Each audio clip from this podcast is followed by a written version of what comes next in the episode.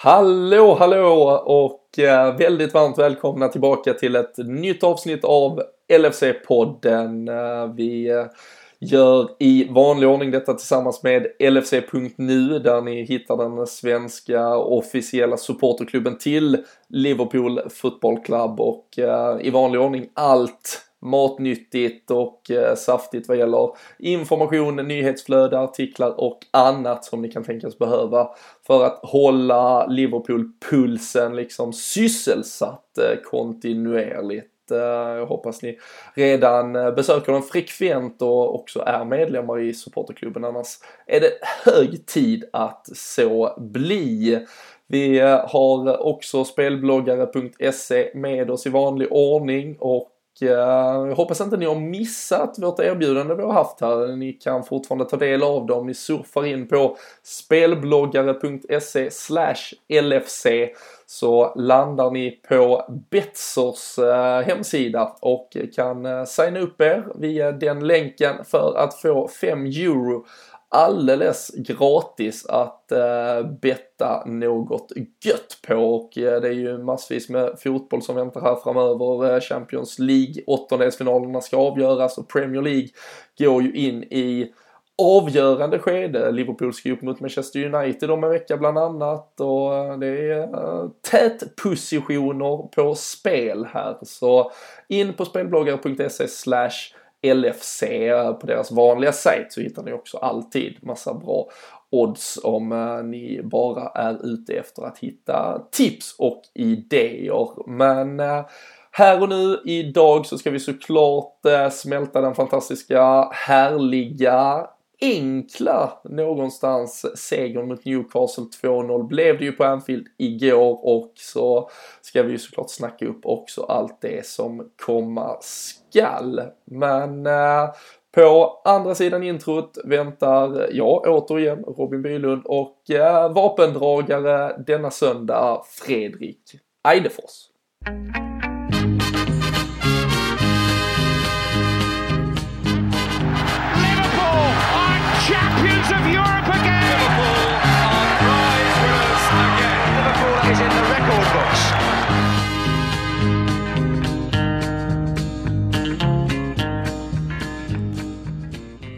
Ja men jajamensan, eh, på andra sidan introt eh, sitter vi nu här och det är ju med uh, Segons sötma återigen som Fredrik Eidefors tycktes kunna citeras på Twitter i morse, liksom sm smaken av Segon. Uh, finns inget bättre när man vaknar upp uh, söndag och vi har ju en supersöndag fotbollsmässigt framför oss. Eh, vi har ju lite Premier League-fotboll som vi får lite ta höjd för när vi nu sitter och pratar eh, Liverpool och vad som komma skall. Men eh, det är väl eh, ja, men det är en ganska bra söndag att vara Liverpool-supporter rent allmänt får vi väl säga Fredrik. Ja, nej men det är som du säger, det är, det är skönt att vakna upp ett leende på läpparna och veta att man behöver inte gå igenom en en, en, nästa vecka, att det kommer en måndag några dagar, någon dag senare som man ska gå upp och så känner man att Liverpool har förlorat eller något sånt där. Utan nej, det känns bra och så kan man sitta och ha det i åtanke när de andra lagen tappar poäng förhoppningsvis. Så att, eh, nej, men det, är, det är en skön känsla. Och eh, vi har ju såklart en helt eh, fantastisk vecka framför oss dessutom. Eh, förhoppningsvis en eh, defilering in mot eh, Champions League kvartsfinal. Det är ju Porto som kommer till Anfield på tisdag och eh, på lördag sen så väntar ju liksom eh, matchen med stort M. Mötet med Manchester United som Kanske för, en, för första gången egentligen på, det är nog en 4, 5, 6 år sedan med tanke på att inget av lagen har såklart Liverpool 13-14 var vi uppe och utmanade i den absoluta toppen. Då var ju såklart våra möten med Manchester United jätteviktiga. Innan dess har det från ett United-håll varit in, men för första gången egentligen på länge så slåss vi ju verkligen om en plats. Alltså vi, det är verkligen uh, tänderna mot varandra här nu ja. uh, om uh, den här andra platsen troligtvis. Tottenham vill ju ha någonting att säga till om men eh, det är ju ett eh, hetare möte än på mycket länge. Och vi ska prata mer om det sen men kan du redan nu blicka mot det någonstans? Jo, men det kan jag. jag du, du har ju rätt. Jag kan väl tänka mig, nu var det ju andra förutsättningar då, men 08-09 när vi möttes där i mm. mars. Det hade också en ganska trevlig vecka den veckan kommer jag ihåg mot Real Madrid också. Men eh, det var egentligen senast vi möttes och faktiskt det, det betydde någonting mer än bara liksom rivalitet emellan utan att det stod viktiga poäng på spel sådär. Så att det är väl senast jag kan tänka mig och det är ju ja, det är ju nästan mer än, ja, det är mer än tio år sedan liksom. Så att det, nej, det har hänt mycket sedan dess.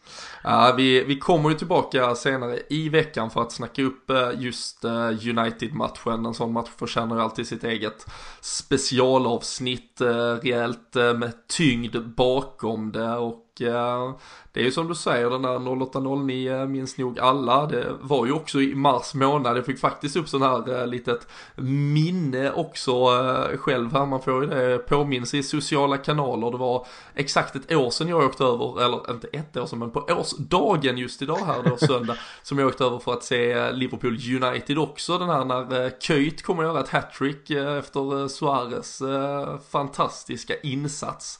Så kanske ett gott tecken på att man ska möta Manchester United här i början av mars i alla fall.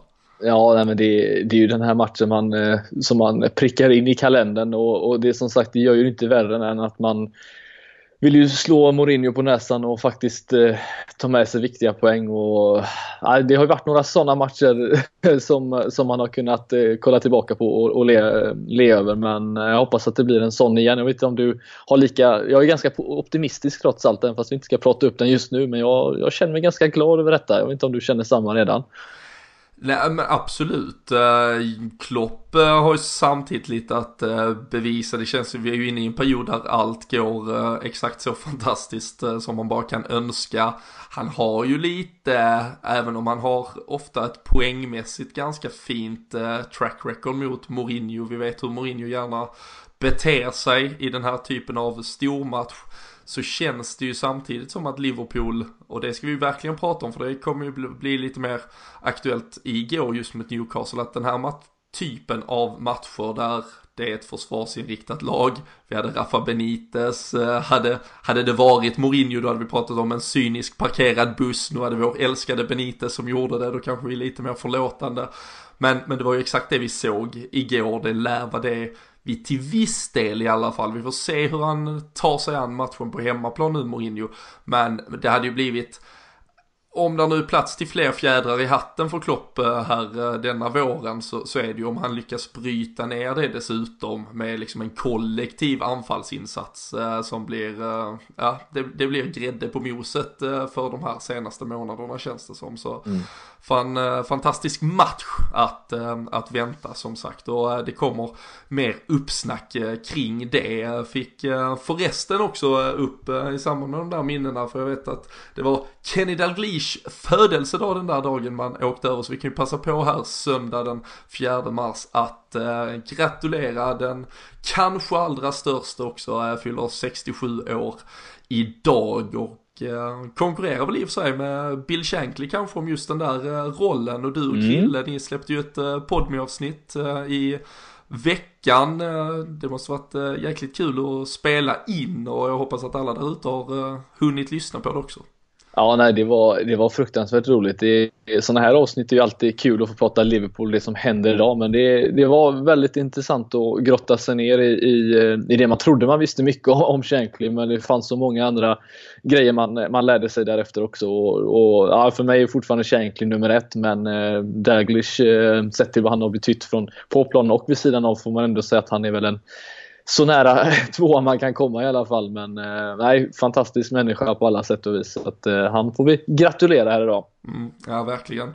Och eh, har man inte lyssnat på eh, det där Bill Shankly avsnittet eh, så, så är det ju podmi.com. Vi, vi släpper ju regelbundet de här avsnitten på Soundcloud och överallt där man hittar poddar och sen så har vi då de här lite mer eh, djupgående specialavsnitten, intervjuer, resereportage, porträtt på gamla stora legender eh, och mycket annat som man eh, får där på Podme, då våra premiumavsnitt. Så signa upp er där och eh, dels ta del av det som redan finns och så kommer det ju dyka upp eh, massvis med mer framöver också. Men eh, gårdagen eh, som ändå får vara någon form av huvudfokus här idag, Fredrik, eh, som sagt, en Rafa Benitez som var på besök. Eh, det var vi kan väl vara ärliga, ett väldigt cyniskt försvarsinriktat eh, mm. Newcastle som uh, hade dessutom Liverpool-mördaren Dwight Gale på plan. Uh, jag tror alla någon gång har hunnit drömma en mardröm eller två om honom, har fyra mål mot just Liverpool, vilket är nästan unikt för att vara en så medioker fotbollsspelare i övrigt, tror jag. Men ja. hur, hur upplevde du matchen och hur Liverpool hanterade då återigen den här typen av match som annars har varit så svår för oss och som inledningsvis faktiskt var väldigt svår för oss. Mm.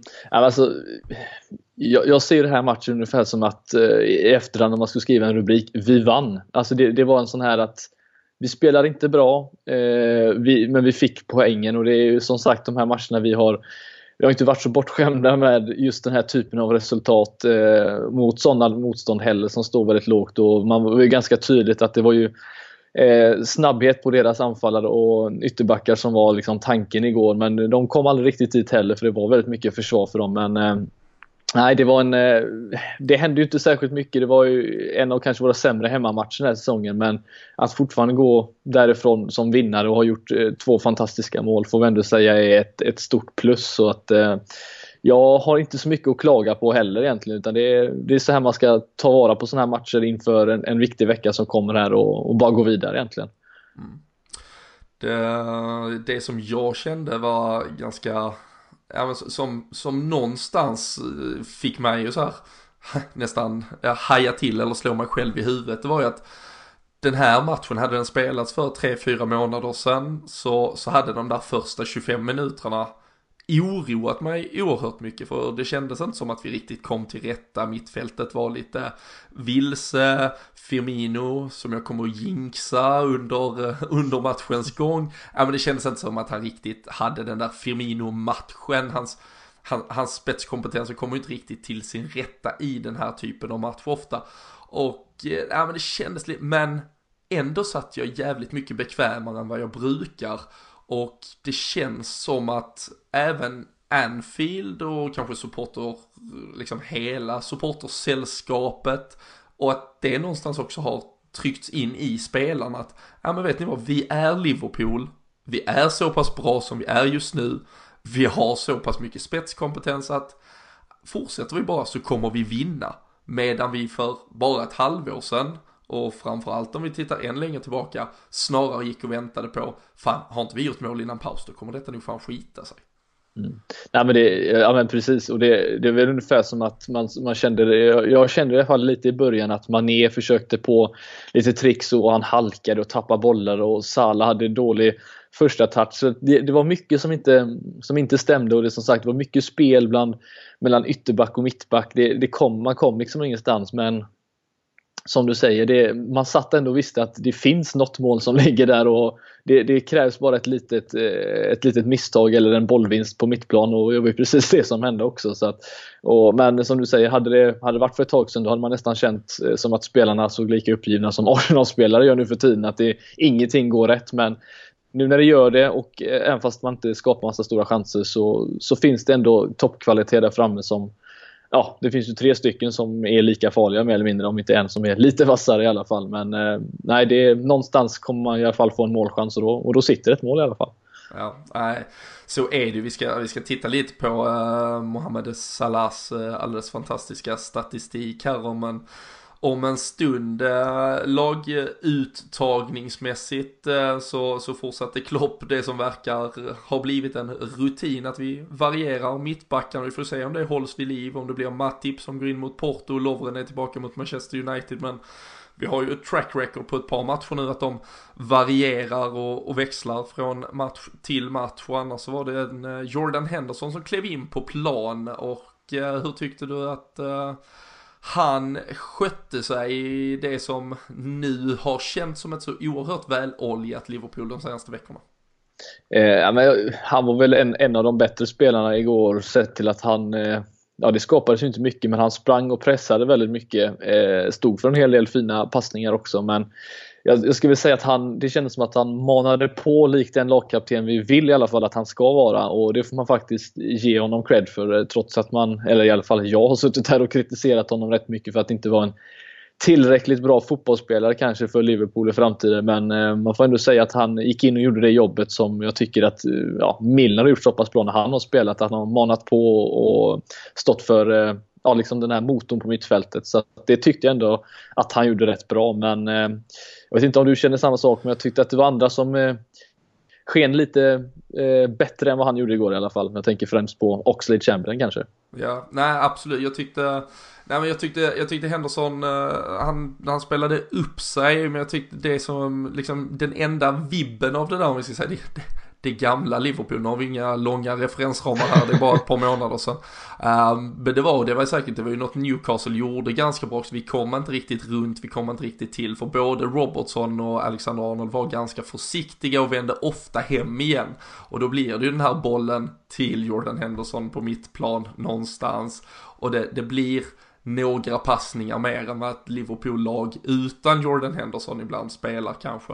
Men eh, som sagt, det var ju egentligen hela laget som eh, någonstans inte riktigt kom upp i nivå inledningsvis. Eh, men sen var det ju som du säger, Oxlade eh, som eh, återigen fått en hel del kritik och kanske en del med rätta sedan de gjorde ju en otroligt bra mittfältsmatch och alla som startade mot Manchester City som vi säkert minns för drygt två månader sedan. Sen kändes det som att han dippade ner lite i formen, fick ju till en assist förra veckan, gör ju det oerhört bra och det är, det är klart det är en assist men här skapar han ju i stort sett målet helt och hållet till Salah. Ja, nej, men precis. Och det, är, det är en grej som jag har varit eh, ute efter så mycket när, vi, när, när en Wijnaldum spelar till exempel och vi får och, och, tillsammans med Henderson och Chan att det blir, det blir lite långsamt. Men han erbjuder ju någonting annat och det är ju framförallt en mer han är mer direkt men framförallt har han ju mer fart i, i benen vilket man såg ganska tydligt på att när han gick, får man väl nästan säga, förbi Diame på, när han vann den bollen och eh, serverade sedan Salah. Och det, det, är någonting som jag tycker att vi har, vi har saknat lite den här farten. Vi har det där framme men inte på mittfältet och det ja, gav ju resultat igår i alla fall sett till den fina assisten som han stod för där igår. Men det är ju fantastiskt att kolla på också här. Jag såg lite statistik att i de senaste starterna, 10 starterna han har så är det alltså två mål och fem assist han har och det är alltså mer än man producerade i fem av sina sex säsonger i Arsenal. Så att det har ju blivit en helt annan spelare nu och eh, jag tror det är detta Klopp dessutom såg när han eh, valde att in honom att eh, han såg potentialen och ja, vi, vi ser bara en början möjligtvis på vad han kan leverera som mittfältare. Ja, han har ju alltså, bara, han har gjort tre ligamål, han har gjort fyra totalt, jag tror det är sex assist totalt, det är ju tio poäng mm. så att säga, då har han ju inte ens varit ordinarie i startelvan. Tre månader bara hans rekord i eh, Arsenal var ju två baljor liksom. Så det mm. känns ju som att uh, han är väl en spelare som nog sitter och skrattar ganska gott om uh, kvällarna just nu får man väl våga tro i alla fall. Ja, jo, men det, jag tror att det, det, var en sån spelare som bara behövde ett, ett, ett eh, miljöombyte. Eh, få en annan tränare som eh, visar tro på honom och eh, framförallt att han får spela ett, ett lag som kanske inte står för den här possession-fotbollen som Arsenal gör utan liksom snabbare kontringsspel och, och passar honom perfekt skulle jag säga. Så att, nej, det, det är kul att se att, att spelare kan ja, utvecklas och ta andra steg när de har gått från klubbar man såg att de hade lite jobbigt i. Kändes som att han eh, delvis under matchen nu igår fick lite mer än Alltså sen är ju ett Liverpool-lag väldigt flexibelt men en nummer 10 om man säger att eh, Chan och Henderson stod för lite mer av grovgörat och att han fick vara lite central kreatör eh, till stunder. Mm. Ja, känslan var faktiskt det. det. Och jag vet inte om det var någon taktiskt, eh, ta, taktisk förändring av Klopp eller, eller sådär men det som du säger, det såg faktiskt nästan ut som det och eh, jag vet inte, behövde vi verkligen mer stabilitet på mittfältet? Eller vad säger du? Det kanske blev lite mer när vi fick in målet, att det blev lite mer balanserat. Men eh, det kändes som, som du sa, att det var en flippad eh, triangel kan man väl säga nästan va? Mm. Ja, nej, ja, absolut. Men det funkade ju återigen. Så, mm. så just nu, eh, som sagt, Jörgen Klopp gör inte många fel och resultaten kom till slut. Fantastiskt mål av Salah då också ju, eller ett uh, förlösande mål ska vi säga. Rent, uh, han har väl gjort det uh, snyggare i sina dagar. Han har ju nu gjort hela 32 stycken den här säsongen. lika många som Rafa Benites offensivt frediga Newcastle har gjort. Um, det ja, det är fantastiskt. Ja, den, vi, kan, vi kan ge Rafa Benites mycket, men eh, kanske inte just eh, det. Han har dessutom Alltså 10 assist har han också den här säsongen. Han har alltså 42 poäng, 9 mm. av assisten i ligaspelet. Han har 24 mål i ligaspelet. Eh, Alltså nu, alltså vi pratar alltså han slår ju på löpande band nu liksom Torres rekord, Suarez rekord. Han gjorde igår mål för 19 ligamatchen den här säsongen.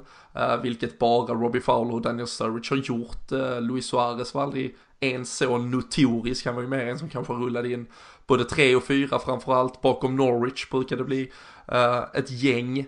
Och uh, han leder ju skytteligan uh, tillsammans med Harry Kane nu.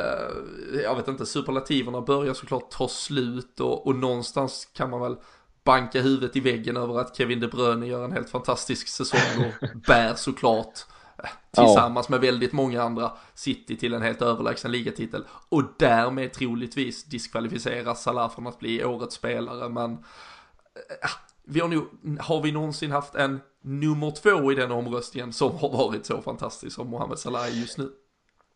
Jag tror faktiskt inte det. Alltså, det, det, det, ja, det jag tycker är fantastiskt är att Kane vann med skytteligan på 22 eller 24 mål. 24 tror jag det var förra säsongen och nu är liksom båda de två uppe i, i alltså betydligt mer än så. Snart kommer de uppe i också. Så att det, nej, det, det är helt fantastiskt. Och även fast jag inte ser honom som den bästa spelaren i laget så, så har han ju tagit vara på sin ja, säga, sina styrkor framförallt och han är inte den här wingen som, eh, som många tror att han skulle vara utan han, han rör sig väldigt ofta inåt och kollar man på många mål han gör så är det ju liksom i mitten centrerat eh, i straffområdet han faktiskt avgör många av sina, eh, gör sina mål så att det, nej, det är fantastiskt att se att, att vi har fått en sån spelare som står för de här poängen för vad hade vi varit utan honom Robin? Eh, ja, det får vi väl eh, lämna däran. Då hade vi väl troligtvis haft eh, en Filip Coutinho kvar i laget och, och mycket annat. Men det är ju en, alltså en impact-värvning utan dess like. att få den, det uppsnurret redan första säsongen på en spelare som visst hade varit en sejour i Chelsea men vad hade han 13 ligamatcher totalt under bältet i stort sett har annars framförallt då spelat i Italien en helt annan typ av fotboll och akklimatisera sig så snabbt och eh, ja men också det här, alltså det rent telepatiska mellan honom, framförallt såklart Firmino Mané, men, men laget i övrigt. Eh, vi har ju sett eh, Emre Can gjorde det både mot West Ham, han gjorde det igår igen, bollen som Salah drar nästan in ett drömmål på. Men där är en förståelse med i stort sett alla spelare i laget, vilket vilket någonstans, alltså har en spelarförståelse med all, då, då, då landar det ju någonstans på hans bord att han är ju så pass enkel och klok att, att spela fotboll med. Så det blir ju jäkligt skoj för alla andra. För, för jag tror någonstans att man behöver nog inte vara liksom så överens om vad som ska, utan du kan nästan sätta iväg bollen på nytt och sen gör Salah resten någonstans. Mm. Alltså, vi hade Emre Can slog ju en uh, djupledsboll också uh, ner mot högerflanken, liksom egentligen lite för, ja men lite för sned, lite för hård alltså, men Salah kan ju göra så mycket av det ändå. Och det, uh, ja men det är Ja, jag, liksom, jag, jag trodde ju aldrig någonsin att jag skulle tro, och Luis Suarez för mig är så mycket, ja, någon, någon favoritspelare och något liksom eh, som personifierade den där 13-14 säsongen. Då utmanar vi om ett guld som vi inte kommer att göra denna säsongen och där väger bägaren till sist över någonstans. Men är Salah kvar i Liverpool 2, 3, 4, 5 år eh, och det här Liverpool-laget tar både ett och två steg till, då, då kommer vi att prata om honom som den, som den absolut största, tror jag, i liksom modern tid. Och mm. äh, det ligger i alla fall för fötterna på honom. Sen äh, kan ju såklart allt hända. Ja men precis och sen en grej som jag tycker man borde eh, liksom, ta fram lite också det är ju att vi satt här och pratade när vi hade lite, när Mané var inne i en svacka, han hade lite lägen som han borde ha passat som han inte gjorde och han missade lägen och då pratade vi om att han var lite avis på Salas framgångar att det var lite egoistiskt där men kollar man på de tre där framme nu så ser de ut som trillingar som verkligen älskar varandra, som härmar målgester och de skrattar tillsammans. Men det ser ut som de har fruktansvärt roligt på, ute på planen tillsammans. Och det är, nej, att ha en sån fronttrio, det, det ska man vara glad över att ha för det är inte många som, som har det idag och det är fantastiskt. Och nu kanske vi har gått längre fram här i matchen och jag tänker, kollar man på det 2-0 målet vi gör så är det ett så fruktansvärt underskattat mål. För kollar man på det arbetet som Firmino eh, lägger ner och, och vinner bollen och mer eller mindre ta bort dammet från, jag tror det var dammet som han eh, tog bollen från och se, sedan startade anfallet. Och det, nej, det är så magiskt och den passningen till, till Mané, det, det är ungefär bara Coutinho sen några år tillbaka som nästan slår eller hittar den passningen på det sättet och tänker på det sättet. Så det är nej, helt fantastiskt mål får jag ändå säga. Så att, ja, vi har gjort några sådana den här säsongen. Va?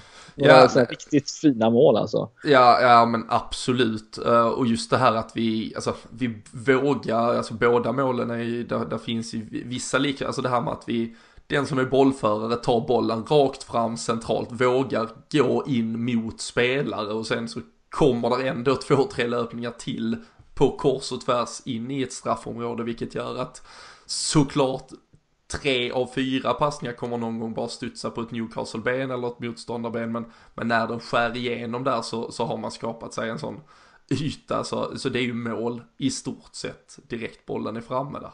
Och eh, vi pratade ju efter Porto-matchen Eh, med tanke på Sadio Mané just den här vikten av att han fick vara huvudrollsinnehavaren i en så viktig match. Eh, det har ju liksom bara växlats upp ytterligare efter det. Visst han, han missar och blandar och ger, eh, men nu gjorde han mål mot West Ham och fick göra mål igår. Och som du säger, målgestfirandet.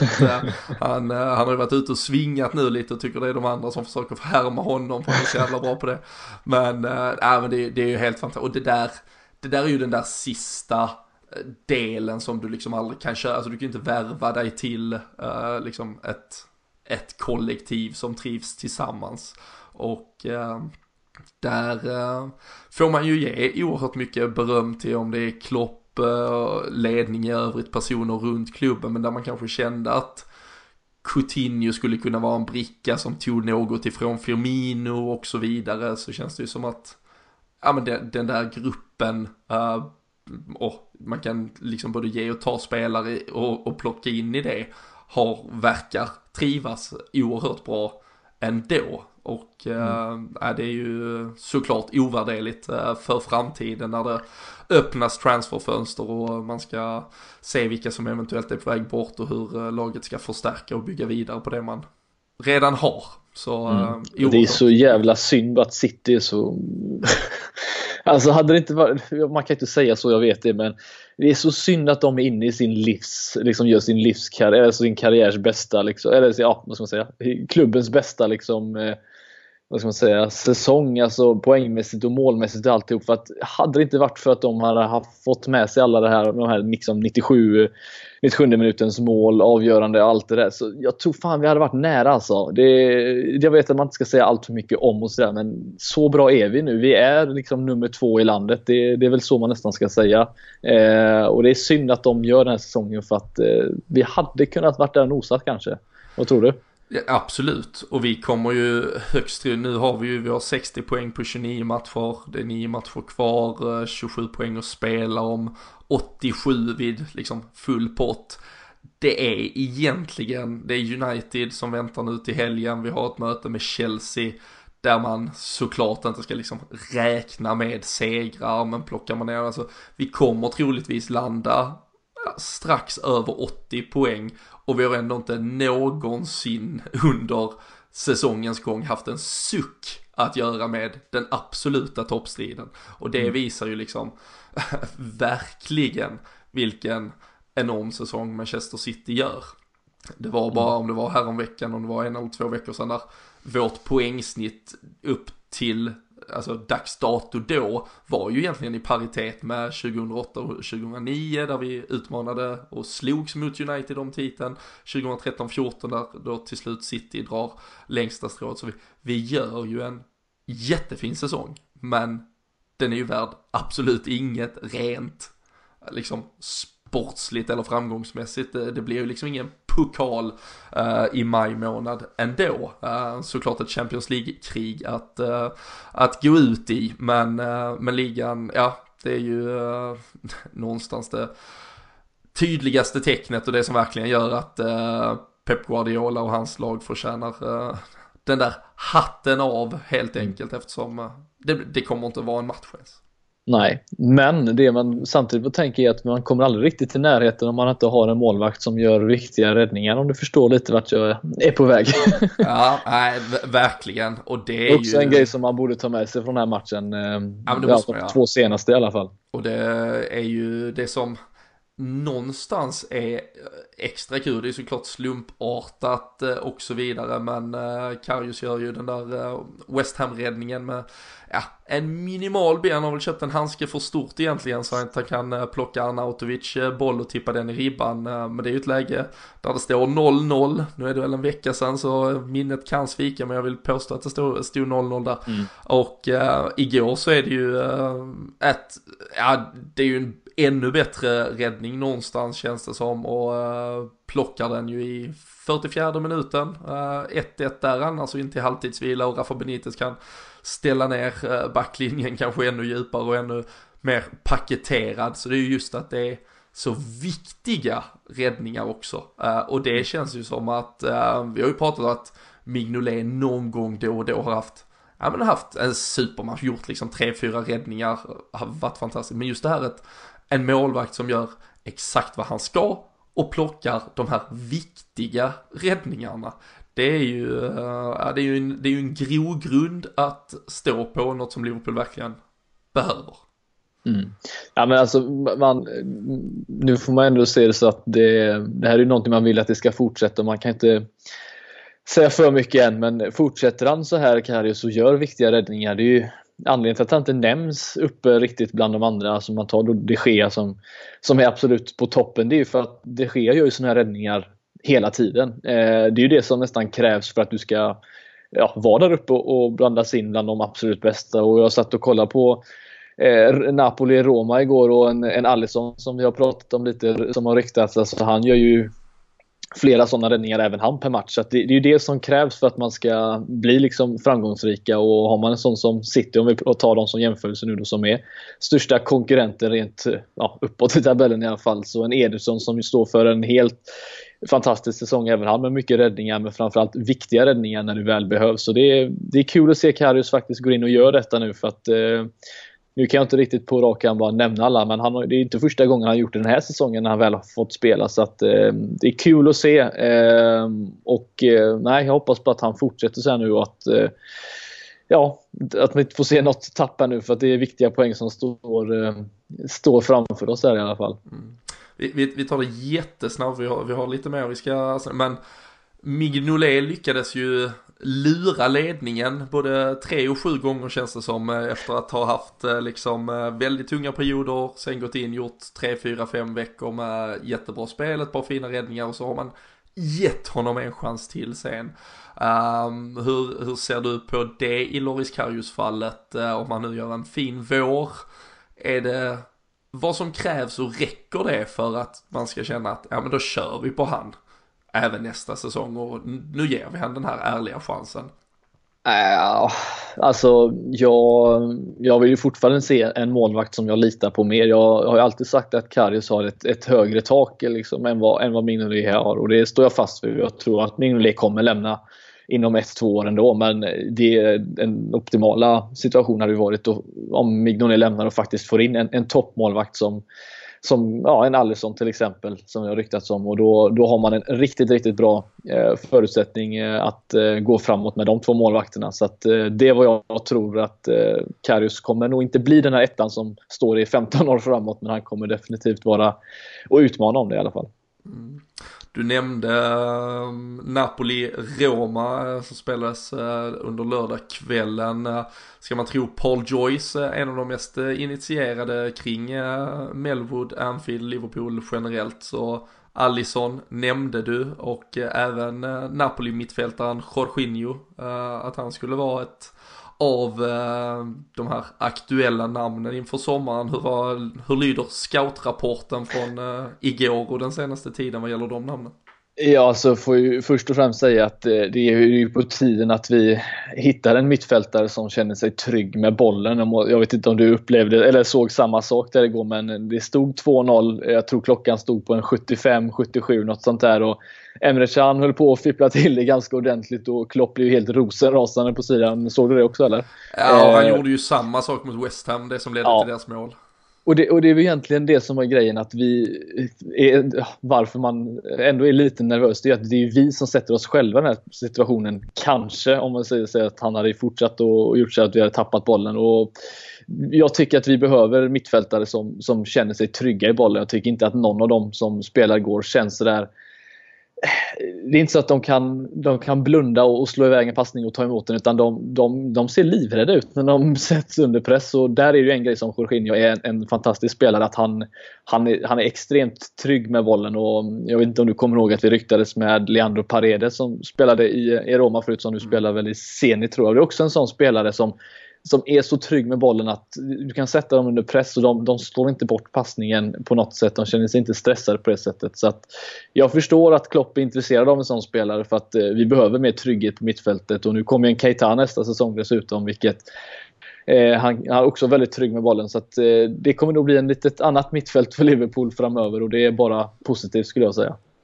Ja, nej det, eh, surret har bara börjat eh, antagligen. Och eh, vi kommer ju såklart få följa Emre Chans kontraktssituation och, och mycket annat kring det där mittfältet. Framförallt och så får vi se om det vänds någonting i målvaktsfrågan och vad som eh, kanske framförallt också händer bredvid van Dijk. Eh, där eh, finns en del att ta i inför sommaren, som sig bör.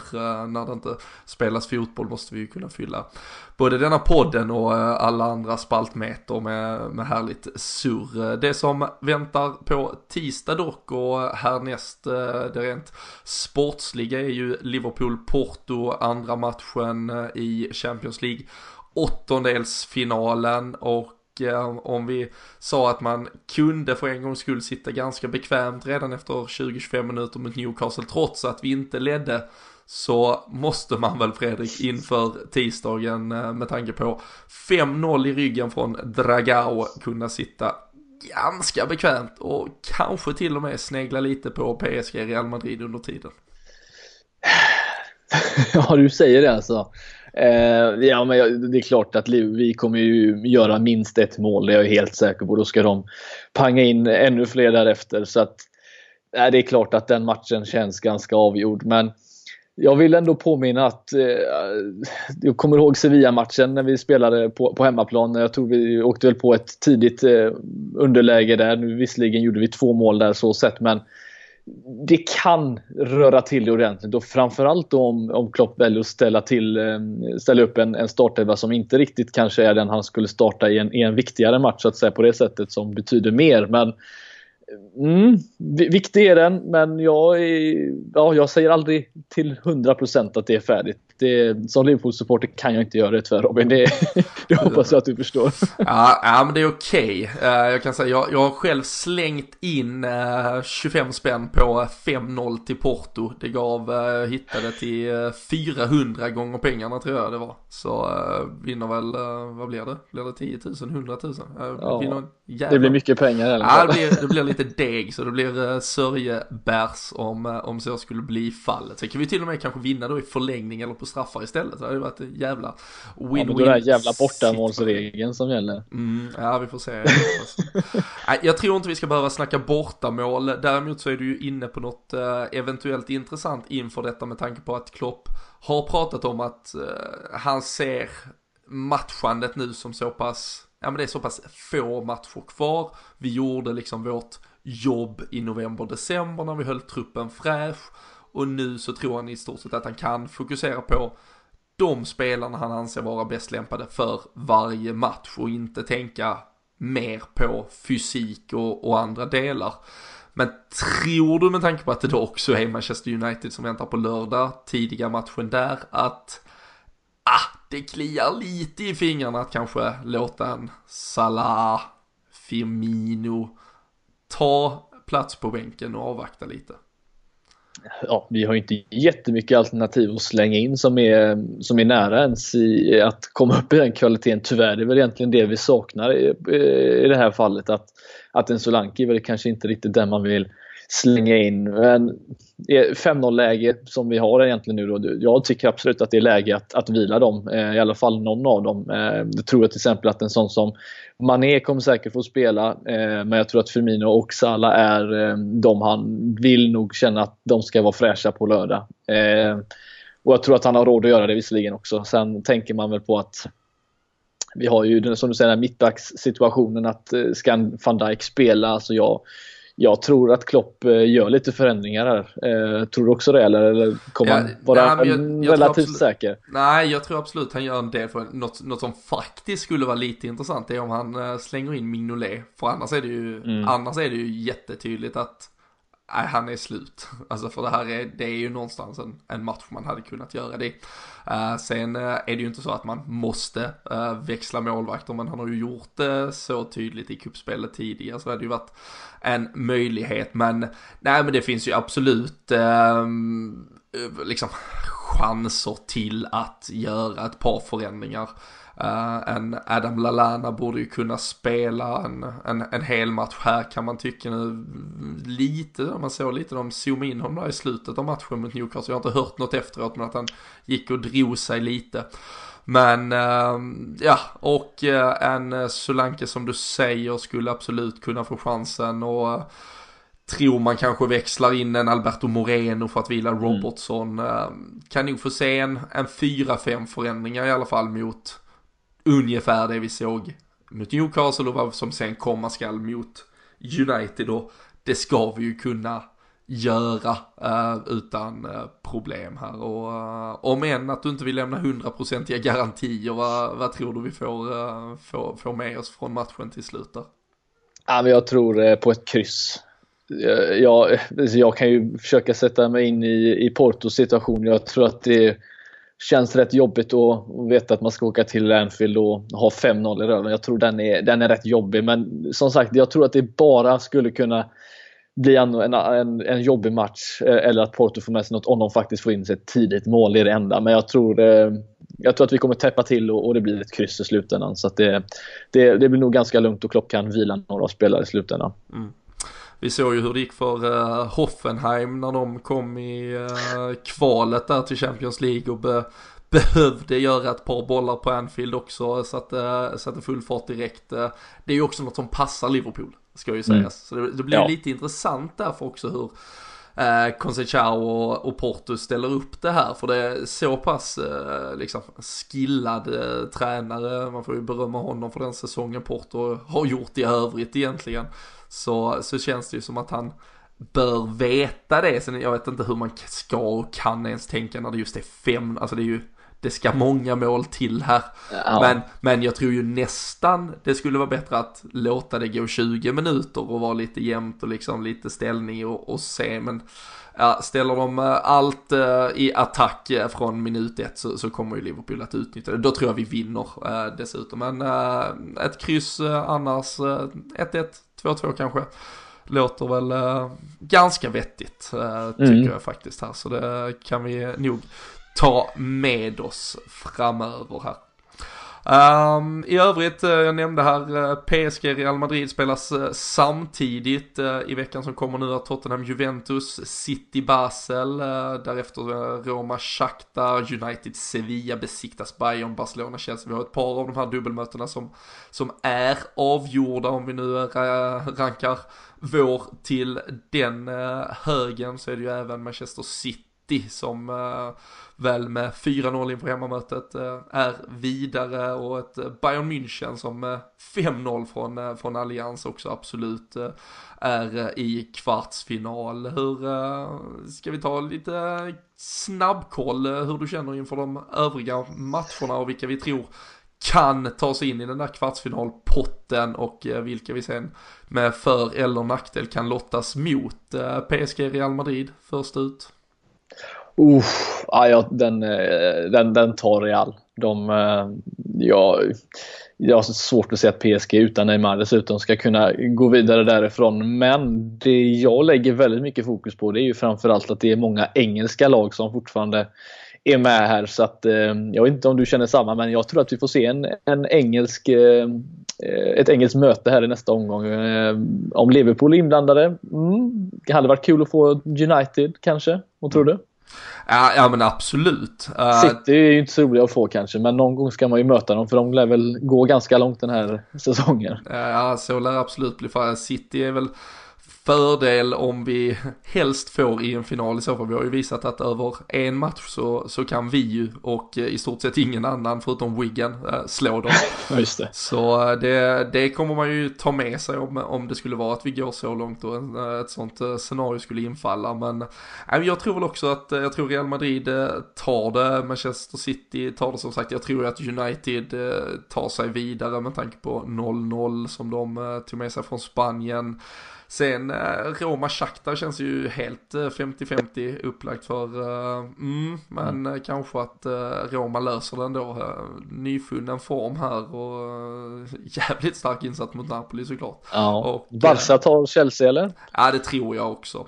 Så det är väl, ja, Tottenham-Juventus säger jag, mm, den är svår alltså. Men Juventus får ju krig nu. Visserligen skaffar de sig eventuellt lite andrum i, i ligaspelet. Men det, tuff match hade de ju mot, uh, mot Lazio här i, igår ja. också. Som uh, var... Tottenham ska man inte räkna bort i Champions League den här säsongen heller. Uh, jag tror att det pass, de passar rätt bra för dem. Jag vet inte varför, men det har man ju sett nu när de just Tottenham har mött de här storlagen. Jag tänker på Real och Dortmund. De har ju ändå gått och slått dem ganska bekvämt får man ändå säga också. Så att eh, ja, jag tror ändå att, eh, att Juventus eh, Nej, det gör, nej, Spurs går vidare. Det är ändå två bortamål. Det, det ska mycket till.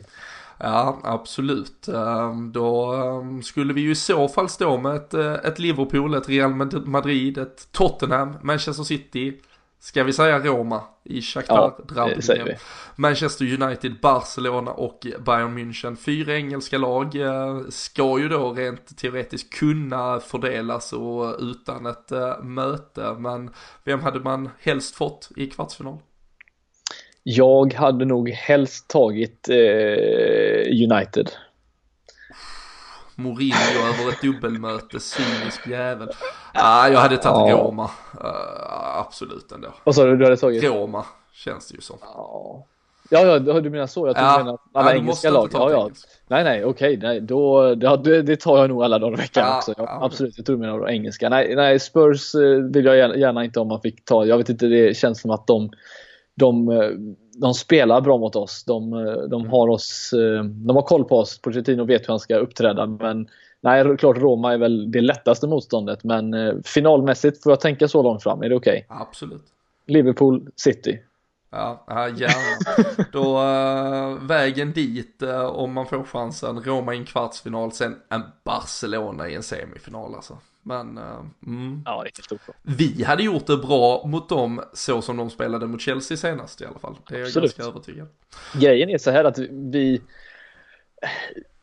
jag ska inte säga, alltså det är lättare för oss att vinna Champions League än att vinna ligan om man ska säga så. För att vi är inte lika jämna på det sättet. Men sett till den speeden vi har vi, vi, vi kan liksom göra skada på exakt vilket lag som helst som är kvar i Champions League. Sen är det just det att göra det i två matcher och hålla tätt. Det är väl egentligen det Klopp har kvar att visa. Men Nej, ja det, det är kul att se för jag tror oavsett så av de två mötena man har mot eh, de här storlagen så absolut går vi och vinner en av dem. Men sen blir den andra matchen lite tuffare. Så att, eh, nej, jag, är, jag är positiv eh, inför framtiden men jag ser inte en vinst som ett, som ett krav eller riktigt som det mest lägsta oddset på. Så att, men kul ska det bli i alla fall. att gå in i kvartsfinal. Ja, verkligen. Eh, vi pratade om det förra veckan också. Vi, vi snittar ju liksom 2,4 bortamål per match eh, i, i Premier League och, och, ännu fler om vi lägger till Champions League faktiskt. Där har vi ju öst in mål på bortamål och det är ju en, en styrka om något att verkligen ha med sig just eh, de här dubbelmötena som till slut avgör vägen fram till finalen i Kiev. Men eh, Liverpool-Porto är trots allt eh, med 5-0 eller ej i ryggen eh, det som ska avgöras först och främst. Det är tisdag kväll på Anfield. Ehm, häng med i våra sociala kanaler. Ehm, vår eh, kära poddkompis Christian Andersson är ju på plats. Han var på Newcastle-matchen igår. Han har lagt upp lite bilder eh, både på Twitter och Instagram. Så häng med där och där kommer eh, mer inför och efter Porto också. Och sen är vi tillbaka i veckan med ehm, allt matnyttigt inför matchen mot Manchester United som sen väntar till helgen. Och eh, har ni inte signat upp er på podme.com så tycker jag ni ska göra det. Det är gratis att bli medlem, man har en hel månad fritt och då kan ni lyssna ikapp på det som redan ligger där. Eh, intervju med Tobias Hussein bland annat om livet som eh, både fotbollsspelare och fotbollssupporter. Bankande hjärta för Liverpool och Eh, vi har ett resereportage från när vi var i Porto. Just eh, perfekt eh, Champions League-uppladdning inför tisdagen.